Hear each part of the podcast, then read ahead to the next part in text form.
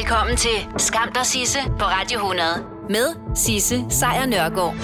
Ja, velkommen til. Det her, det er som bekendt bare en podcast. Hvis du vil høre The Real Deal, så er det hver dag 12-15. Men nu har jeg altså samlet det, som jeg synes, der er skamløst godt fra sidste uges program i en podcast til dig. Hey, det var så lidt. Hvis der er et sted, hvor forandringens vinde i den grad blæser, så er det jo i øh, partiet, der blev ved med at give, nemlig Venstre, Danmarks Liberale Parti. Og på lørdag, den 21. september, så er det altså øh, der, hvor vi finder ud af, hvordan brikkerne de lander for nu i hvert fald. Som det ser ud til, så er det jo Jakob Ellemann Jensen, der står ene og alene er på vej til at tiltræde sig selv op på posten som formand for Venstre. En, øh, en post, som Lars Lykke Rasmussen, han jo sådan set lidt havde i sin hule hånd, og så havde han den slet ikke. På lørdag, der er det jo som bekendt den 21. september, der er det her ekstraordinære landsmøde. De skal vælge en formand, de skal vælge en næstformand og øh, næstforkvinde, må man jo nærmest sige, fordi der er to kandidater til den post, Inger Støjberg eller Ellen Trane Nørby. Så det er der, vi er. Men den 21. september er også den dag, hvor Lars Lykke Rasmussen kan fejre 25 års jubilæum som medlem af Folketinget. Det kunne man jo så godt gå hen og tænke, skal det fejres? Uha da! Det kunne man godt forestille sig. Og skal han så fejre det sammen med sine partifælder? Det kunne man også godt forestille sig. Der er jo, de er jo ligesom samlet, og der er jo mulighed for, at han kan få stående ovationer og blive klappet af, og i det hele taget bare holde en lang, lækker tale om sine 25 år i politik. Men Lykke, han kommer ikke til at være til stede. Nej, det er jeg ikke. Men til gengæld så regner jeg bestemt med at være der til det ordinære øh, landsmøde i november. Åh oh ja, bevares. Men han var altså i den grad til stede i medierne her i weekenden, og det virkede umiddelbart som om, at han havde en helt klar agenda. En agenda, som vi lige så godt kan kalde at få Christian Jensen ned med nakken. Skam der Sisse på Radio 100 præsenterer Skamløse fornøjelser. Nu tager jeg dig lige i hånden, og så skal vi et par uger tilbage. Vi skal tilbage til den 31. august, hvor altså Lars Lykke Rasmussen, han forlod formandsposten for Venstre, og i øvrigt også medierne, uden at ville sige noget offentligt. Og da jeg rejste mig og gik, og bare gik uden at snakke med jer, hvad der har været meget øh, diskussion om, så er det fordi, jeg tænker, jeg har brug for lige at ryste hovedet, og hvis jeg bare går ud og møder pressen øh, spontant, så risikerer jeg at sige nogle ting, jeg kommer til at fortryde. Ja, så det gjorde han ikke. Men han fik i den grad åbnet munden her i weekenden, både til DR, hvor det her klip er fra, og TV2.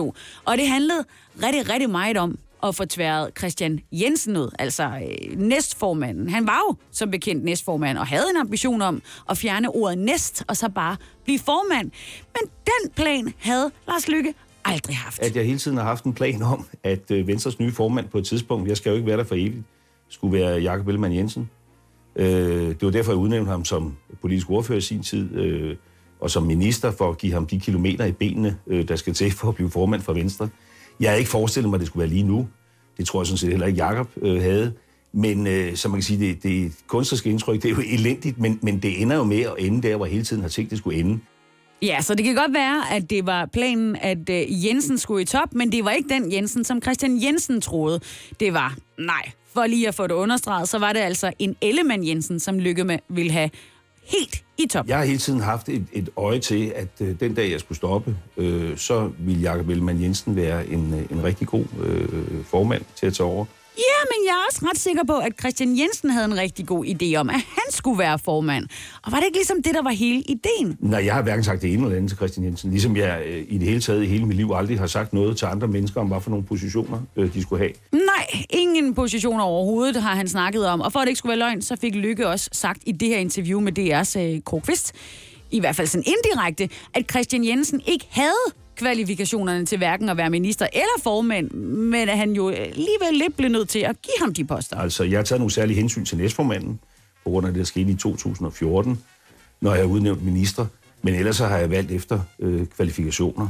Bemærk i øvrigt ordet. Jeg har taget særlige hensyn til, men har ellers valgt for, efter kvalifikationerne. Så der bliver altså taget hensyn til Christian Jensen. Og det skyldes jo en episode tilbage i 2014, som vi nok aldrig i offentligheden får det helt store indblik i, andet end at øh, der er folk, der ved, hvad der foregik. Jo, men han har da bestemt været kvalificeret til de poster, han har fået, så han har jo ikke fået dem. Men altså, det er jo ikke nogen hemmelighed, at vi havde en situation i 2014, øh, hvor øh, nogen synes, jeg skulle stoppe, øh, og var meget øh, utålmodig. Øh, og det er jo en af de øh, brænde, som øjensynligt aldrig rigtig er blevet slukket. Øh, og jeg har nok den store fejl, øh, tror jeg, at øh, hvis jeg tænker, nu er det her problem løst, branden er slukket, så går jeg bare videre. Øh, hvor jeg måske skulle koncentrere mig lidt mere om at vende tilbage og sørge for, at alle gløderne nu øh, slukket. Og det var de så ikke slukket. Altså hverken i partiet eller for den sags skyld i Jensen eller Lykke, kan man så høre nu. Og så hører vi nok øh, heller ikke så meget mere øh, forløbig, for han jo som bekendt ikke har tænkt sig at dukke op her i weekenden til det ekstraordinære landsmøde, hvor der skal vælges formand og næstformand. Kim Larsen han døde jo som bekendt 30. september sidste år. Han blev 72 år gammel, og han havde jo øh, øh, kraft, og, og det gik meget hurtigere, end man havde regnet med. Men øh, det betyder jo også, når en mand som ham forsvinder, så har vi behov for at hylde ham. Og der har været et helt specifikt forslag om at hylde ham, ved simpelthen at opkalde en plads på Christianshavn i øh, København efter Kim Larsen. Det har simpelthen været ude. De ville, op, de ville lave en flot plads med nogle træer, det skulle være flot, og ned til vandet, og hyggeligt, og så skulle det hedde Kim Larsens Plads. Men de planer, de er faktisk blevet droppet, allerede inden de overhovedet nåede at blive, øh, ja, øh, behandlet.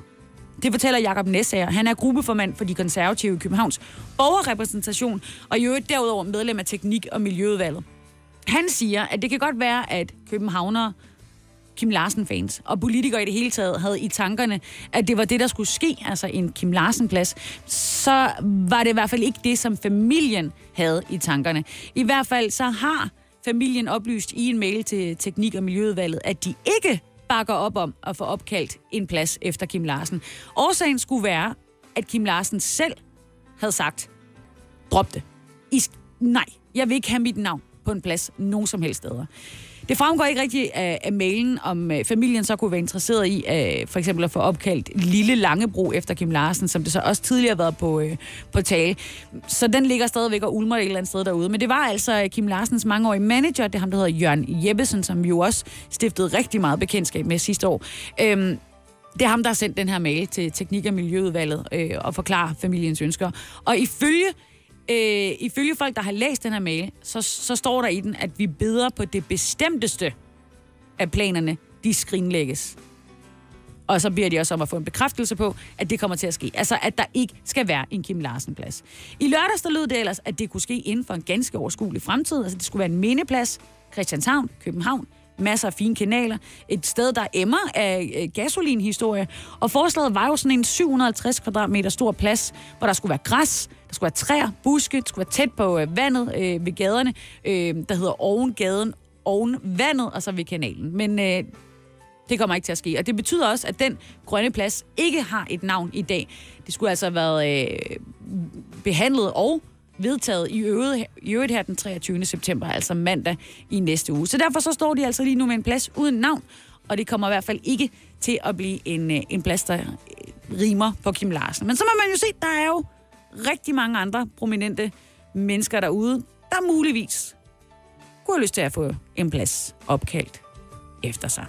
Og skal vi så ikke bare lige, fordi det er mandag, og fordi det handlede om Kim Larsen, og fordi at det stadigvæk måske lidt føles så træt, som jeg er, som om at det her det er midt om natten. Sæt den på. Her er det. Kim Larsen.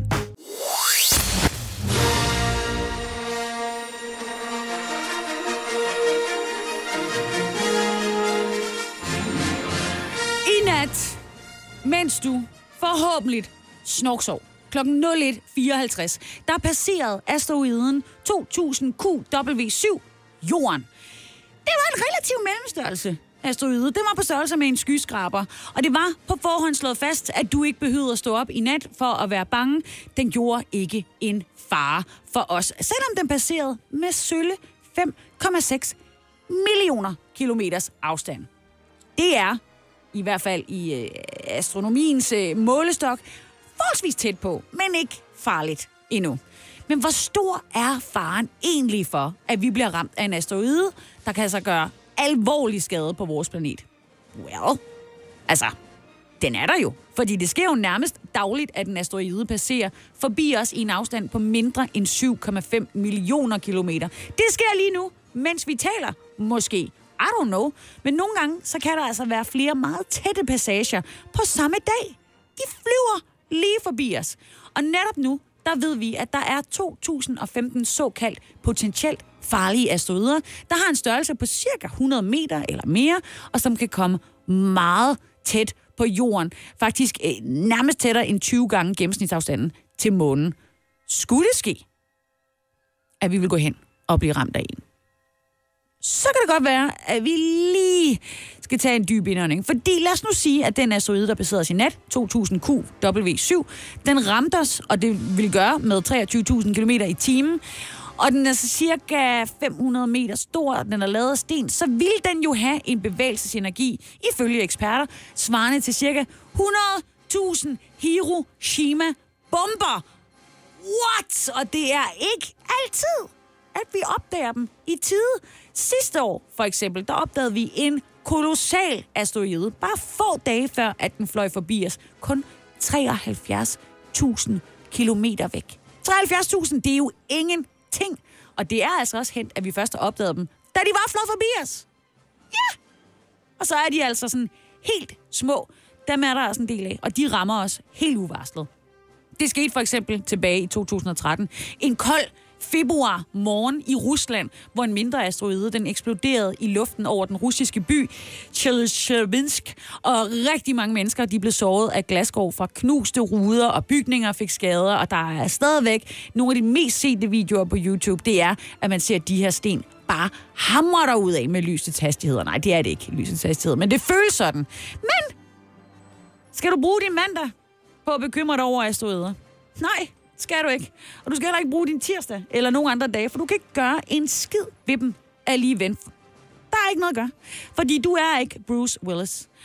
Og det kommer du heller ikke til at være i dag.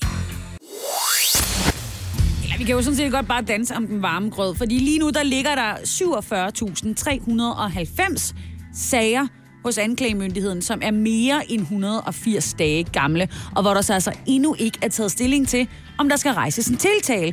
Det her, altså 47.390 sager, altså sager, som involverer mennesker herhjemme, som er udsat eller har begået noget, måske kriminelt, men hvor der endnu ikke er en afklaring på, om de rent faktisk skal, så skal for retten. Altså bunker af sager huber sig op hos vores anklager, og antallet af straffesager, der er over 180 dage gamle, er altså mere end firedoblet de sidste tre år. Tilbage i 16, der var tallet 11.394 sager, hvilket er mange, men altså nu firedoblet.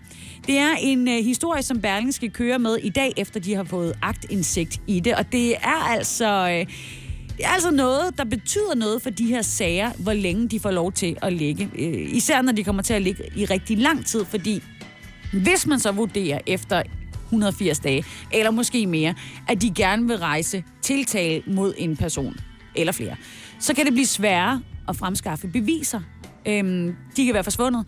Det er også det her med, at vidner, de har det med øh, at glemme, hvad der er foregået, og så kan nogle af de her afgørende detaljer, der rent faktisk kan fælde en gerningsmand, eller gøre en påstået gerningsmand fri, de kan altså få øh, gå tabt. Og det er altså især vidneforklaringerne, som øh, spiller en afgørende rolle i rigtig mange sager. Det mener en, øh, en anklager, der har udtalt sig til Berlingske, men som af hensyn til sin egen karriere ønsker at være anonym. Vedkommende siger, at vidner er i mange straffesager det vigtigste bevis. Men du kan ikke forvente, at fru Jensen kan huske og forklare noget i detaljer, som hun har set for fire år siden. Og hvis vidner ikke kan huske noget, så har anklagerne ikke en sag, og derfor er det så vigtigt, at de afgiver forklaring hurtigst muligt. Det er altså anklageren her, der ønsker at være anonym, der har udtalt sig til Berlingske. Og Berlingske har også derudover talt, talt med øh, 12 anklager, og der er rigtig mange af dem, der mener, at det netop er den her lange sagsbehandlingstid, der har ført til, at der er skyldige, der går fri. Altså folk, der har begået en forbrydelse, kommer aldrig nogensinde til at bøde for den, fordi der går så lang tid. Det er jo lidt uhyggeligt. Det er sådan, at sager om tyveri, narko, færdsels- og sædelighedsforbrydelser, de behandles langsommere i dag end for 10 år siden. Det vil sige, at du er blevet voldtaget, jamen, så kan du vente i meget, meget lang tid for at få lov til at se, eller man har jo ikke rigtig lyst til at se vedkommende i øjnene igen, men i hvert fald at se sin øh, påståede gerningsmand i retten. Men derimod så kommer sager om økonomisk kriminalitet hurtigere for retten. Og Claus Oxfeldt, det er ham, der er formand for Politiforbundet. Han øh, har tidligere været ude og forholdt sig til, at det tager så lang tid. Og han siger, at det er ikke noget, der kommer bag på ham, fordi politiet skal udføre så mange forskellige opgaver, og at der kommer jo hele tiden flere til, så de skal jo prioritere de her ting benhårdt, og det går ud over sagsbehandlingstiden. Ja, og dengang, der baksede de bare alene øh, med grænsekontrol, bevogtning af potentielle terrormål og indsatsen mod banderne, og når jeg også Rasmus Paludan. Så hvis det er, at der ikke er sket noget den sag, du har øh, ringet ind om eller anmeldt, så er det ikke din skyld nødvendigvis. Det er simpelthen bare, fordi de ikke aner, hvad de skal stille op.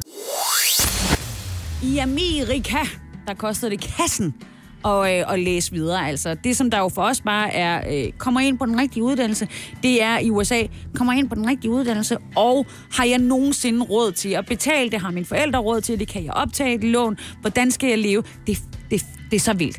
Alle videregående uddannelser er blevet så dyre i USA, at elever, som ikke har rige forældre, og som må øh, optage lån for at gå der, ender med at, at bruge hele deres liv i sådan en gældsspiral. Fordi når de så endelig er kommet der, hvor de øh, muligvis har mulighed for at få betalt de her, den her gæld af for at øh, have læst, jamen så har de jo børn, der også skal have en uddannelse, og så kører møllen en gang til.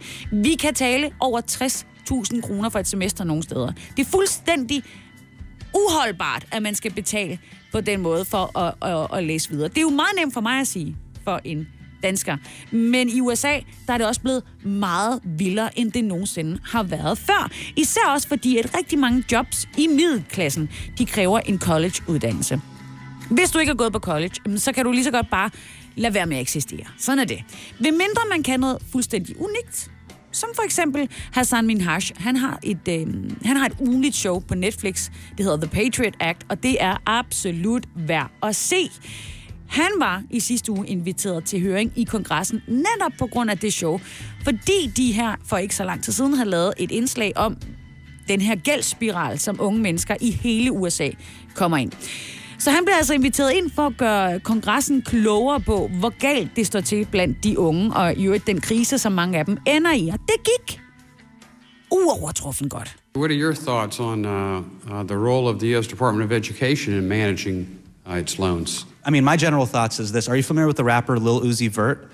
No. I think it's a huge problem that the youth of America have to bombard their favorite rapper or pop musician and ask them to pay back their student loans. They're not even asking for selfies anymore. Are you a fan of Taylor Swift? I, well, if, Are you a Swifty? Because even her fans have gone up to her and said, Will you please pay back my student loans? Og det er korrekt. Det er en historie, som er øh, fast på, øh, på i, i de amerikanske medier, om hvordan at øh, store popstjerner bliver bedt om at øh, donere penge til, øh, at mennesker kan få betalt deres gæld. Og der er rigtig mange popstjerner, der rent faktisk også gør det. Men kunne man måske overveje, om man skulle gøre nogle andre ting for at få hele den her middelklasses børn, og i øvrigt også underklassens børn, til at læse videre? Det var i hvert fald det, der var på øh, menuen, og efter vi lige har hørt lidt musik, så øh, dykker jeg ned i, hvad Hassan Minhaj han ellers fik sagt. Gør dig klar til episke film med et episk tilbud. Nu for en tidsbegrænset periode får du Disney Plus for kun 19 kroner per måned i 3 måneder. Tilbuddet gælder til og med 14. marts for standard med reklamer. Tilmeld dig nu for kun 19 kroner per måned i 3 måneder. Disney Plus. Mere end du forventer. Tilbuddet gælder for kunder uden et aktivt abonnement. 18 plus. Fornyes automatisk til 49 kroner per måned. Vilkår gælder. I Bauhaus får du nye tilbud hver uge. Så uanset om du skal renovere, reparere eller friske boligen op, har vi altid et godt tilbud. Og husk, vi matcher laveste pris hos konkurrerende byggemarkeder. Også discount byggemarkeder. Bauhaus. Altid meget mere at komme efter. Er du på udkig efter en ladeløsning til din elbil? Hos OK kan du lege en ladeboks fra kun 2.995 i oprettelse, inklusiv levering, montering og support. Og med OK's app kan du altid se prisen for din ladning og lade op, når strømmen er billigst. Bestil nu på OK.dk. 3, 4, 5. Der var den. 5 liter benzin per hver nok. Så kan jeg lige komme hjem. Er du også træt af dyre benzinpriser, så skift fagforening og A-kasse til Det Faglige Hus, så sparer du nemt op til 6.000 kroner om året. Tjek detfagligehus.dk Det er som bekendt, som jeg lige har sagt, og hvis du lige er kommet til, hej, hvad så? Hyggeligt. Dejligt, du lige kiggede ind. Nå, men det er sindssygt dyrt at gå i, øh, på college i USA. Det er så dyrt, at rigtig mange mennesker ikke kan følge med. De bliver nødt til at optage lån ved nogle meget dodgy firmaer, og de ender i en gældspiral, og det er ikke i orden. Det er det ikke. Og det er også rigtigt, at superstjerner i USA, de blev bombarderet med ønsker fra fans om hjælp simpelthen til at betale deres lån. Som Hassan øh, Minhaj, jeg lige var inde på, sagde, de gider ikke engang have selfie mere. Please bare betal min lån. Men inden den her øh, fantastiske komiker, han gik i gang, så fik han også i øvrigt lige øh, takket kongressen for at få lov til at, øh, at måtte tale der, og fik understreget en vigtig ting. My name is Hassan Minhaj. I'm a Muslim, and I condemn radical Islamic terrorism. That has nothing to do with anything. I just want that on the record. Ja, det er nemlig rigtig godt lige at få det på papir. Og Hassan Minhaj, han havde altså øh, researchet på alle de tilstedeværende til den her høring. We looked up where the 60 members of this committee went to college and what your school's tuition was at that time. Even adjusting for inflation, college cost, cost way less across the board. So, Chairwoman Maxine Waters, your tuition at Cal State LA in 1971 was the equivalent of about $1,000 a year. Today, Cal State costs well over six grand. That's more than a 500% jump. Congressman King, right? In 1965, Congressman King paid the equivalent of almost 10 grand a year at St. Francis College. Today, St. Francis cost over 25 grand. Ja, så nu har du regnet ud, at Hassan Minhaj og hans researcher havde kigget på, hvor alle de her kongresmedlemmers, øh, hvor meget de havde betalt for at gå i på deres respektive skoler for rigtig, rigtig mange år siden. Og som du kunne høre, så passer den stigning af pris for at læse ikke med den stigning, der er i samfundet generelt. Det er blevet dyrere og dyrere og dyrere. Og der er det jo også derfor, at den lidt ældre garde engang imellem nogle gange, jamen, så mister den ældre garde fuldstændig følelsen af, hvad det er, de unge skal igennem. Og derfor så tog Hassan Minhaj altså også alle de her tal og lagde det op til et gennemsnit. Og der kan man virkelig se, hvordan det rammer. On average, this entire committee graduated from college 33 years ago and paid an inflation adjusted tuition of $11,690 a year. Today, the average tuition at all of your same schools is almost $25,000. That's a 110% increase over a period of time when wages have gone up only 16%. So people aren't making more money, and college is objectively way more expensive. You see what's happened? We've put up a paywall to the middle class. And if there's one thing Americans don't deserve more of, it's paywalls. Ja, og hvis du gerne vil se både mere om den her høring, og i øvrigt også øh, lige stifte kendskab med øh, Hassan Minhaj, så er der ikke en paywall. Det kan godt være, at hans show kommer ugenligt på Netflix, men de ligger det derefter på YouTube. Og det er faktisk exceptionelt interessant. Og så får det også en lige præcis, hvad angår det her med øh, college intuition, altså hvor mange penge det koster at, øh, at læse, får en til at sige, mm, godt, vi betaler skat. Nå, knap nok, der havde orkanen lagt sig i øh, USA, før en ny st- storm, øh, er det så, rammer Donald Trump. En måske lidt mere menneskelig storm, nemlig den øh, tidligere øh, ja, pornostjerne. Flot dame, øh, Stormy Daniels. USA's præsident Donald Trump, han møder nemlig endnu en gang et krav om indsigt i hans skattepapirer. Og det gør det altså øh, simpelthen via Stormy Daniels. Og hvordan det hænger sammen, det skal du nok finde ud af. Det var øh, sent mandag aften, at man øh, simpelthen kunne læse i en række amerikanske medier, blandt andet New York Times, øh, nyhedsbureauet øh, AP, at de, øh, de kunne simpelthen afsløre, at øh, distriktsanklageren i New York via en stævning simpelthen har bedt om at få præsidentens selvangivelser fra de sidste otte år. Og det her, det sker så, og nu kommer Stormy Daniels ind, det sker simpelthen i forbindelse med øh, selv samme anklagers undersøgelse af mulige ulovlige pengeoverførelser fra Trump til pornostjernen Stormy Daniels, som altså angiveligt øh, skulle være en, han har haft en affære med på et tidspunkt, og så vil betale af. Den her stævning, den er stilet til en øh, revisionsvirksomhed, øh, der hedder Massars øh, i USA, og det er den, der håndterer præsidentens finanser. I en op udtalelse fra Massars, der oplyser de, at virksomheden fuldt og helt vil leve op til deres juridiske forpligtelser. Og det kan jo så betyde, at de rent faktisk skal udlevere de her skattepapirer. Det var en undersøgelse altså af betalingerne til Stormy Daniels, som øh, indtil videre har ført til, at Trumps øh, tidligere advokat Michael Cohen, han blev kendt skyldig i brud på reglerne for valgkampsfinansiering, skattesnyd og for at have lovet for et kongresudvalg. Og for den lille affære, der fik han altså tre års fængsel. Men anklagemyndigheden i uh, Trumps hjemby, som jo er Grand Old New York, de mener altså stadigvæk, at de knap 130.000 dollars, som Cohen betalte til pornostjernen, blev overført på Trumps foranledning og med penge fra hans kampagne, og det er ulovligt. Så det kan være, at Trump nu skal til at hive sin skattepapirer, eller sin selvangivelse af det jo op i lommen. Og det er jo noget, han har nægtet at gøre. Det har han faktisk gjort lige siden valgkampen op til præsidentvalget øh, i, øh, i 16. Og det har jo så også medført spørgsmål om, hvad der må kan læses ud af den her øh, mangeårige øh, businessmans øh, skattepapirer. Altså, han snydt? Hvad har han gjort? Og det har jo øh, været så vigtigt, at der øh, har været mange demokratiske medlemmer af kongressen, som har prøvet at få indblik i øh, økonomien. Blandt andet førte det til en kongresudvalg tilbage i april, hvor de lagde sag an mod USA's finansministerium for at få udleveret de her bloody selvangivelser for de seneste år, øh, seks år. Men nu kan det altså være pornostjernen Stormy Daniels, der kommer til at fælde Trump. Eller, det ved vi jo så ikke. I hvert fald muligvis få et stort indblik i, hvad det er, han går og skjuler. Og jeg ved ikke, om du kender øh, Carpool Karaoke. Øh, verden hedder James Corden, og han er blevet ret kendt for at køre rundt i biler og så synge med kunstnere på deres egen musik, og det er gået meget viralt. Det er altid. Så han er uendelig populær. Han har også et talkshow, og, øh, og der øh, fik han altså også ekstra meget ved, medvind her forleden, da han havde set et klip med en anden vært, nemlig en, øh, en fyr, der hedder Bill Mayer. Being fat isn't a birth defect. Nobody comes out of the womb needing to buy two seats on the airplane.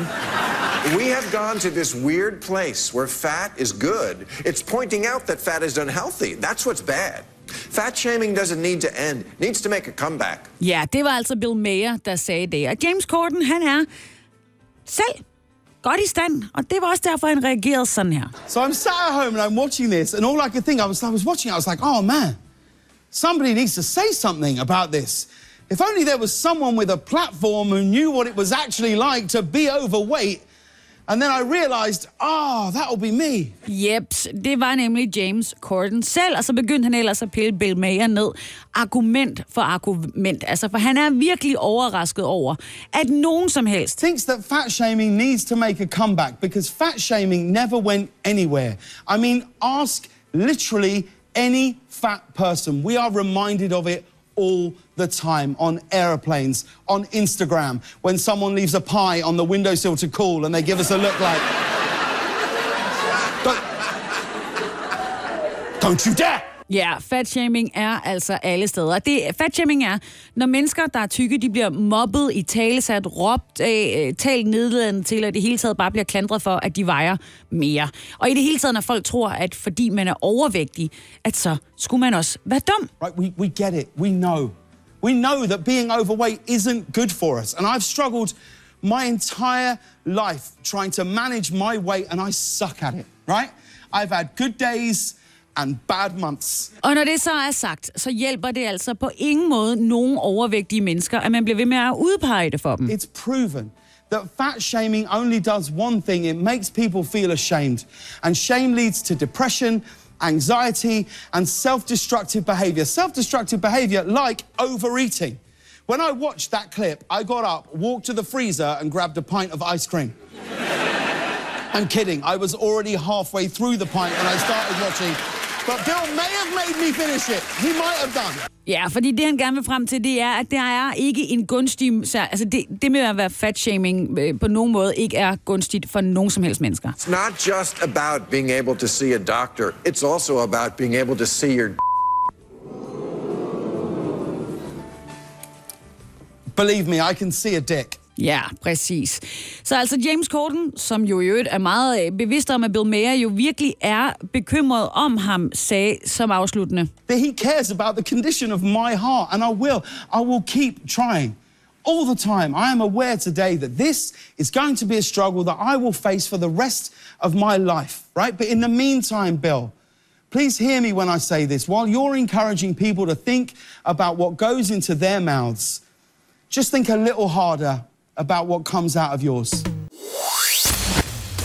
Skam dig, Sisse, på Radio 100 præsenterer Skammens top 3. Så fik jeg vist egentlig sagt, at vi ville lyde meget bedre i så fald, du vandt de her Apple AirPods, som du finder inde på vores Facebook-side. Og der må jeg så bare tænke lidt nærmere over det og sige, det gør vi formentlig ikke. Det er bare mere det samme i, øh, i, bedre, i bedre kvalitet. Nå, det skal handle om, øh, om skammens top 3. Nummer 1. I nat var en af de nætter, hvor jeg øh, simpelthen vågnede midt om natten og øh, bare lige havde brug for at spise et eller andet. Og det, det sker. Det sker simpelthen. Og i min sådan semi-agtige søvn, så vidste jeg godt, at der lå nogle kokosmakroner i en lille æske ude i vores øh, køkken. Så jeg listede øh, direkte ind efter sådan nogle. Øh, problemet var så bare, at øh, de her kokosmakroner lå under en bunke af alt muligt raller. Og det skulle jeg jo selvfølgelig fjerne, før jeg kunne få fingrene ned i kassen og få mine kokosmakroner. Det larmede lidt. Og min datter, som så over lige ved siden af køkkenet, hun vågnede, øh, hun vågnede af det. Og så måtte jeg jo så aftale med hende, øh, at hun simpelthen ikke skulle fortælle sin far, hvad jeg stod og lavede ude i køkkenet øh, midt om natten. Mod hun så til gengæld fik lov til at sove i vores seng. Så øh, ja, jeg fik hverken øh, kokosmakron eller egentlig en forholdsvis god nattesøvn. Ingen delene ramte mig i nat. Nummer 2. Jeg havde også en uh, tur på renseri i går, og jeg bar en uh, masse tøj, som jeg ikke aner, hvordan man vasker, ned i det lokale bæredygtig, selvfølgelig, jeg bor vel på Nørrebro, øh, renseri. Mens jeg stod derinde og hævde den ene festkjole op i tasken efter den anden, så undrede jeg mig over, at det var så mørkt inde i renseriet. Altså simpelthen virkelig mørkt. Og da jeg så skulle finde mit dankort, så jeg kunne betale, der bemærkede jeg højlydt, at det var lidt svært at se, når det nu var så mørkt. Hvor til den venlige dame så foreslog, at jeg jo kunne tage mine solbriller af, så kunne det være, at det ville hjælpe lidt på synet. Nummer 3. Og måske jeg bare skulle holde mig til aldrig nogensinde at gå med solbriller, eller ditche det der med at vaske tøj generelt, for jeg er tydeligvis ikke voksen nok til at foretage fuldstændig basic opgaver, når det handler om at vaske tøj. I går, der vaskede jeg tre læs vasketøj. Ja, jeg ved det, det er imponerende, men jeg har ikke haft tid at uvise, så det er bare, hvordan det er. Og det gjorde jeg så i går, men det gik måske lige stærkt nok, for nu er jeg en uerstattelig alpaka-sweater og en blød cashmere-sweater i størrelse baby rigere nu, og ikke engang min datter kan hive dem ned over hovedet. Og nej, de koster selvfølgelig en mindre opsparing, og så kan man jo overveje, hvorfor jeg ikke tog dem med til rens. Og til det kan jeg sige, jamen, øh, jeg havde simpelthen ikke lige set dem, for jeg gik jo åbenbart rundt med mine solbriller på indenfor hele dagen. Nå, man siger jo, at hunde og deres ejere ligner hinanden, og øh, ja, det ved jeg ikke, om er rigtigt, for så havde jeg igennem min opvækst lignet en Newfoundlander, og det er jeg ret sikker på, at jeg ikke gjorde. Så meget hår havde jeg slet ikke. Eller hale, øh, for den sags skyld. Men der er altså et øh, nyt studie fra Københavns Universitet, der faktisk viser, at hvis du muligvis har lidt for mange kilo på sidebenene, så er der en øh, ret stor sandsynlighed for, at din hund, i så fald du har en hund, that is, også er lidt for tyk. Det øh, er et øh, studie, som øh, Københavns Universitet lavede ved at kigge på 268 hunde og deres ejere. Og forskerne fandt altså ud af, at over dobbelt så stor en forekomst af overvægtige eller decideret fede hunde var hos de ejere, der selv havde lidt problemer med vægten. Det er første gang, man laver sådan en undersøgelse, og det er jo egentlig mærkeligt nu, at man har sagt i årvis, at hunde og deres ejere ligner hinanden. Men alligevel, så kommer det her resultat jo ikke rigtig bag på en af forskerne bag undersøgelsen. Han hedder professor øh, Peter Sandø, og han er fra Institut for Veterinær og Husdyrsygdomme ved Københavns Universitet. Og ifølge ham, så er hunde nogen, vi deler vores glæder med. Det giver jo sig selv. Gør det jo. Øh, og hvis livet så drejer sig om at løbe lange ture og dyrke noget crossfit og spise masser af sundt, jamen så gør man det også med sin hund. Omvendt er man rigtig glad for fredagslik, også om mandagen og onsdagen, jamen, øh, og, og hygger sig generelt, så sidder man måske lidt mere foran fjernsynet og deler ud af de her godbidder med sin hund de aftener, man nu gør det. Det, øh, det siger altså øh, Peter Sandø. Øh, og det er altså ikke sådan, at hundene er bygget til at kunne klare den her ekstra polstring. De dør faktisk af det tidligere i hvert fald. Det øh, viser studier. Faktisk så lever overvægtige hunde i gennemsnit 1,3 år kortere end hunden på en, øh, lad os bare kalde det en lidt mere restriktiv diæt. Omvendt så har de det fedt. Altså, bogstaveligt talt, øh, den rumtid, de er på jorden. For hunde, de elsker at få mad. Men de ender så altså med at blive syge og lever et, øh, et kortere liv, end, øh, end de ellers ville have gjort. Så alt i alt så viser det, at hvis man virkelig gerne vil beholde hunden så længe som muligt, så er der en rigtig god grund til at sørge for, at den ikke spiser for meget. Men det er altså ikke kun kost og aktivering, der har betydning for, om hunden den bliver øh, tyk og, og, og lever i, øh, i lang tid. Der er faktisk også en øh, undersøgelse, der viser, at mange hanhunde, hvis de bliver kastreret, så medfører det ifølge et studie tre gange så højere, øh, højere risiko for, at hunden bliver overvægtig eller fed. Altså i så fald, den bliver kastreret. Her kunne man jo så lave rigtig mange øh, jokes om øh, menneskemænd og kastrering. Men altså, hunde ligner faktisk deres ejere. I hvert fald på det her punkt.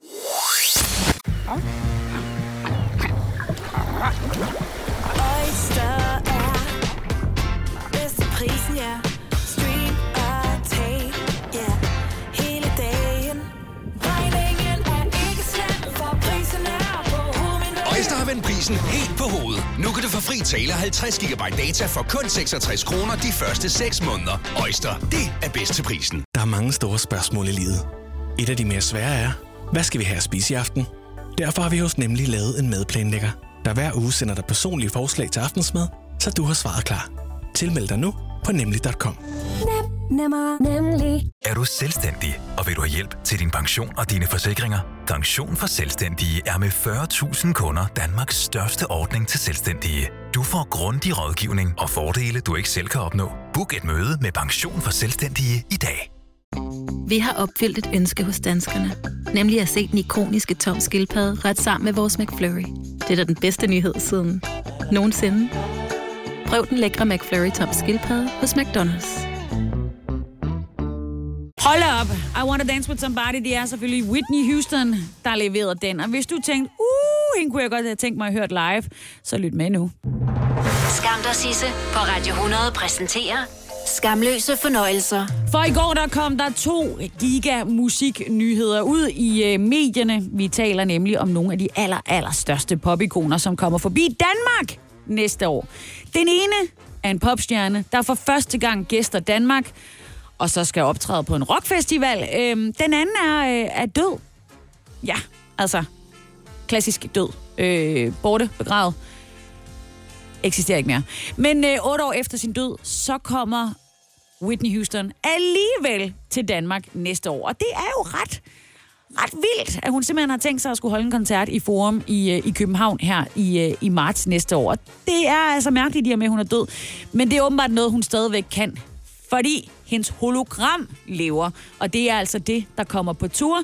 Det er simpelthen en turné med Whitney Houstons hologram, og det skulle ifølge arrangørerne være næsten lige så fantastisk som The Real Deal, altså Whitney Houston, som jo af gode grunde øh, ikke kan komme til arrangementet. Ja, lad os da håbe, at det ikke er næsten lige så fantastisk som The Real Deal, men øh, en del bedre end The Real Deal. For sidste gang, hvor Houston var i Danmark og gav koncert, i øvrigt også i Forum, der var anmeldelserne for den koncert redselsfulde. Altså, de var skrevet fint, men øh, koncerten havde været redselsfuld. Folk havde udvandret, det havde været pinligt, det havde været udmagrende at høre på. Så, nu kan man altså høre hende i, øh, i marts i en fejlfri version, fordi hun ikke er der Ja. Øh, en, der til gengæld er der, og som lige har skudt billetsalget i gang til Danmarks største festival, det er Swifferen. Altså Taylor Swift. Hun blev i går eftermiddags annonceret som det første hovednavn på årets Roskilde Festival, altså næste år er det jo så, øh, som holder det kæmpestort i 2020, fordi det er 50 år for festivalen. Og der kan man godt mærke allerede nu, at de har været nede og grave i den store pengepunkt, og det er muligvis også forklaring på, hvorfor det her års Roskilde Festivals program var så ned rigtig kedeligt. De har simpelthen bare sparet på pengene, fordi Taylor Swift, en af nutidens allerstørste popikoner. Og ja, jeg har købt billet, for man kan ikke andet. Hun kommer forbi Roskilde Festival. Og det er ikke bare første gang på festivalen, det er første gang, hun giver koncert i Danmark. Hun skulle ind til Orange Scene onsdag, den 1. juli 2020. Skynd dig ind og få en billet, fordi de er væk lige om et øjeblik. Og ja, det er Roskilde. Det er det, der er så mærkeligt. Ikke Skanderborg. Ikke en af popfestivalerne, Tinderbox eller, eller Northside. Det er The Grand Old Lady, som er ude og spille med musklerne. Og med den her udvælging, så ved jeg bare, at det bliver gigantos. Og ja, så var det som bekendt til marts, at du kunne opleve Whitney Houston live i Danmark. Og sidst hun var i Danmark var i øh, 2010. Og noget vi i den grad snakkede om i 2010, ja, det er en helt anden boldgade. Det, er- og det er min måde at komme derover på. Men det vi snakkede om i 2010, det var kødklister. Ja, det var en kæmpe forarvelse, da debatten om øh, kødklister den rasede tilbage i 2010 i Danmark. Fordi danskerne havde ikke lyst til at sætte tænderne i kød, der var klistret sammen. Og øh, politikerne, som jo er også danskere, de fulgte trop, og så sagde de, ah, ah, ikke noget kødklister i dansk kød, det er forbudt. Og det blev forbudt ikke alene i Danmark, men i hele EU. Der blev det her tilsætningsstof, der hedder trombin, det blev forbudt. Efter at Europaparlamentet simpelthen sagde øh, nej tak til at godkende det. Og det er jo en sejr for forbrugerne og de folkevalgte, der så gik ud fra, at trombin i kød var en saga blot. Det var noget, vi alle sammen øh, grinede af i 2011, da vi havde fundet ud af, at vi overlevede 2010, året med kødklister. Men så heldige er vi bare ikke. For når den danske forbruger køber og spiser kød, så kan de faktisk i dag ikke vide, om kødet indeholder trombin, bedre kendt som kødklister. Det her kødklister, det er sådan en slags lim, der på en eller anden måde limer kødet sammen. Det blev som sagt forbudt, men en smart fidus gør, at det er muligt for kødindustrien øh, industrien at bruge al den trombin, som de vil i deres kød, og, og så sendt det afsted i de danske supermarkeder, direkte ned i de danske maver. Det er en historie, som øh, DR-programmet Kontant fortæller her senere i aften. Øhm, de virksomheder, som fremstiller trombin, de ændrer nemlig bare øh, på et tidspunkt betegnelsen for trombin, så det ikke længere er et tilsætningsstof, men et enzym. Og så behøver det ikke stå på øh, ingredienslisten. Jeg anede ikke, at man kunne det. Og der er heller ikke rigtig nogen regler for enzymer i, øh, i EU. I hvert fald ikke nogen fælles regler. Og i Danmark, der er det altså fortsat forbudt at anvende trombin i kød.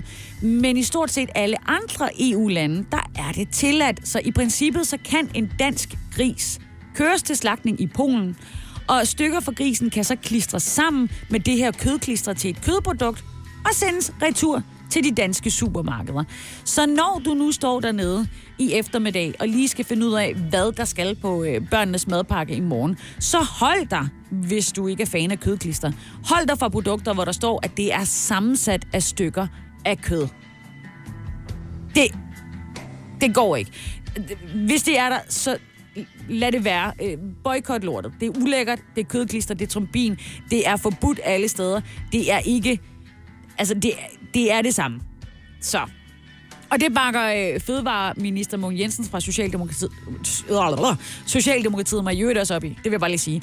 Og han synes også, at øh, øh, han har forståelse for, at vi ikke ønsker trombin i vores mad. Og derfor så opfordrer han til at se efter mærkningen sammensat af stykker af kød, hvis man vil undgå trombin eller andre stoffer med samme funktion.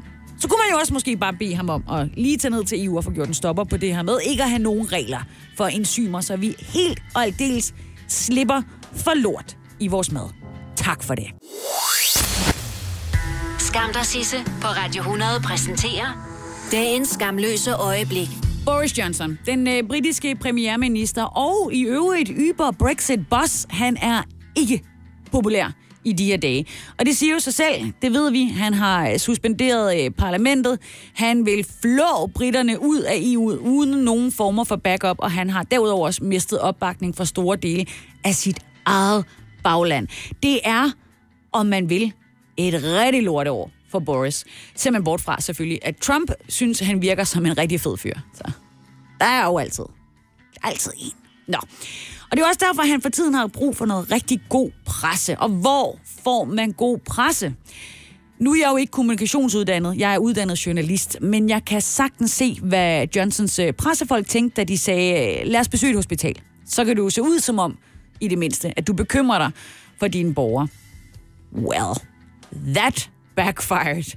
For under det her besøg på, øh, på hospitalet, som ligger i det nordøstlige London, der blev premierministeren konfronteret af en meget vred far til en patient.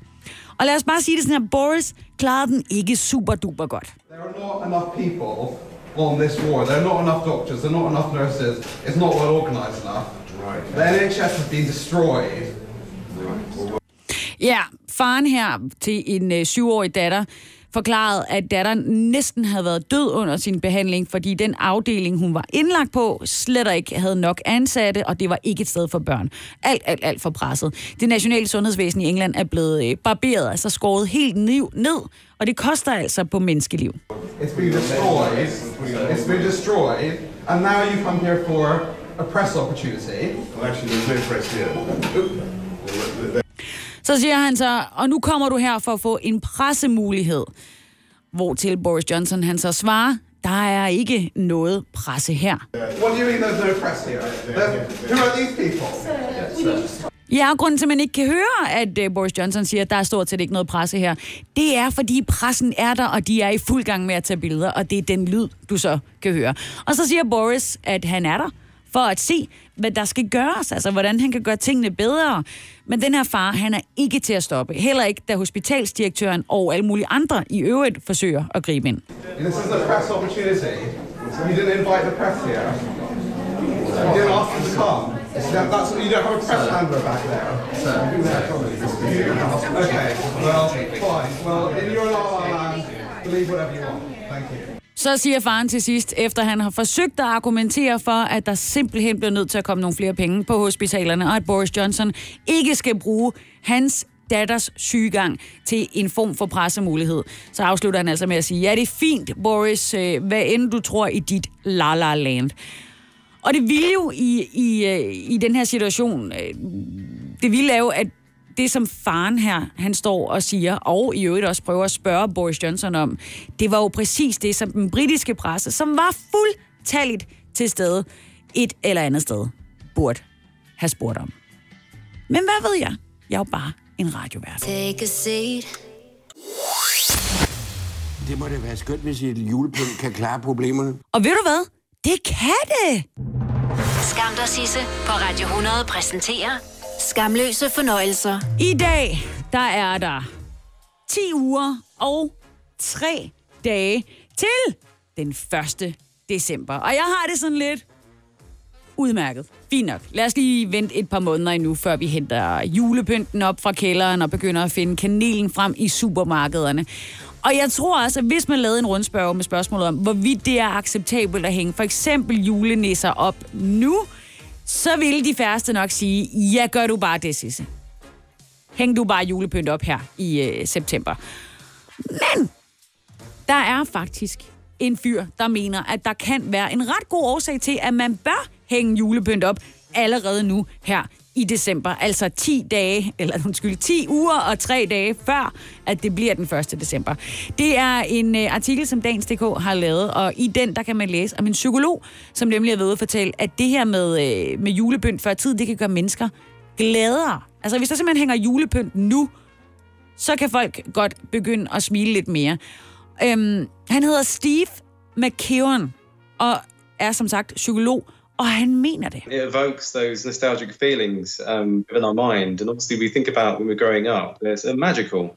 So essentially, when you, you you're an adult, you, you, you draw back those, and it's like an anchor back to those original emotions you felt back then, and essentially makes you happier. Ja, det han siger i den lidt dårlige forbindelse, som altså var til aftenshowet i aftes, det var, at hvis man hænger julepynten op nu, så vil man øh, simpelthen øh, få sit indre barn frem. Det barn, som var der, øh, da alting var magisk omkring juletid, og man vil så kunne hive nogle af de følelser frem i sig selv, og simpelthen blive i bedre humør af at hænge julepynt op nu.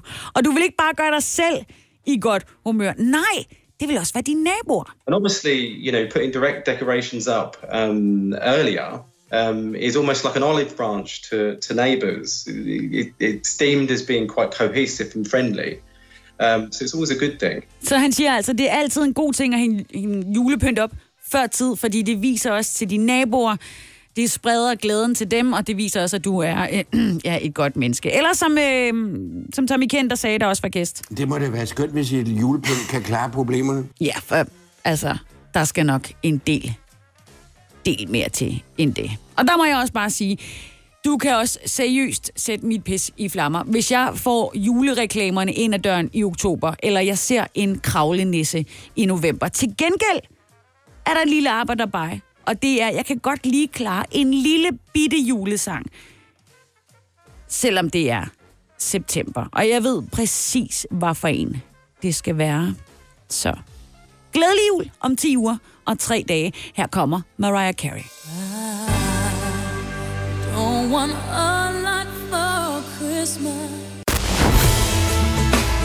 Skam dig, Sisse, på Radio 100. Med Sisse Sejr Nørgaard.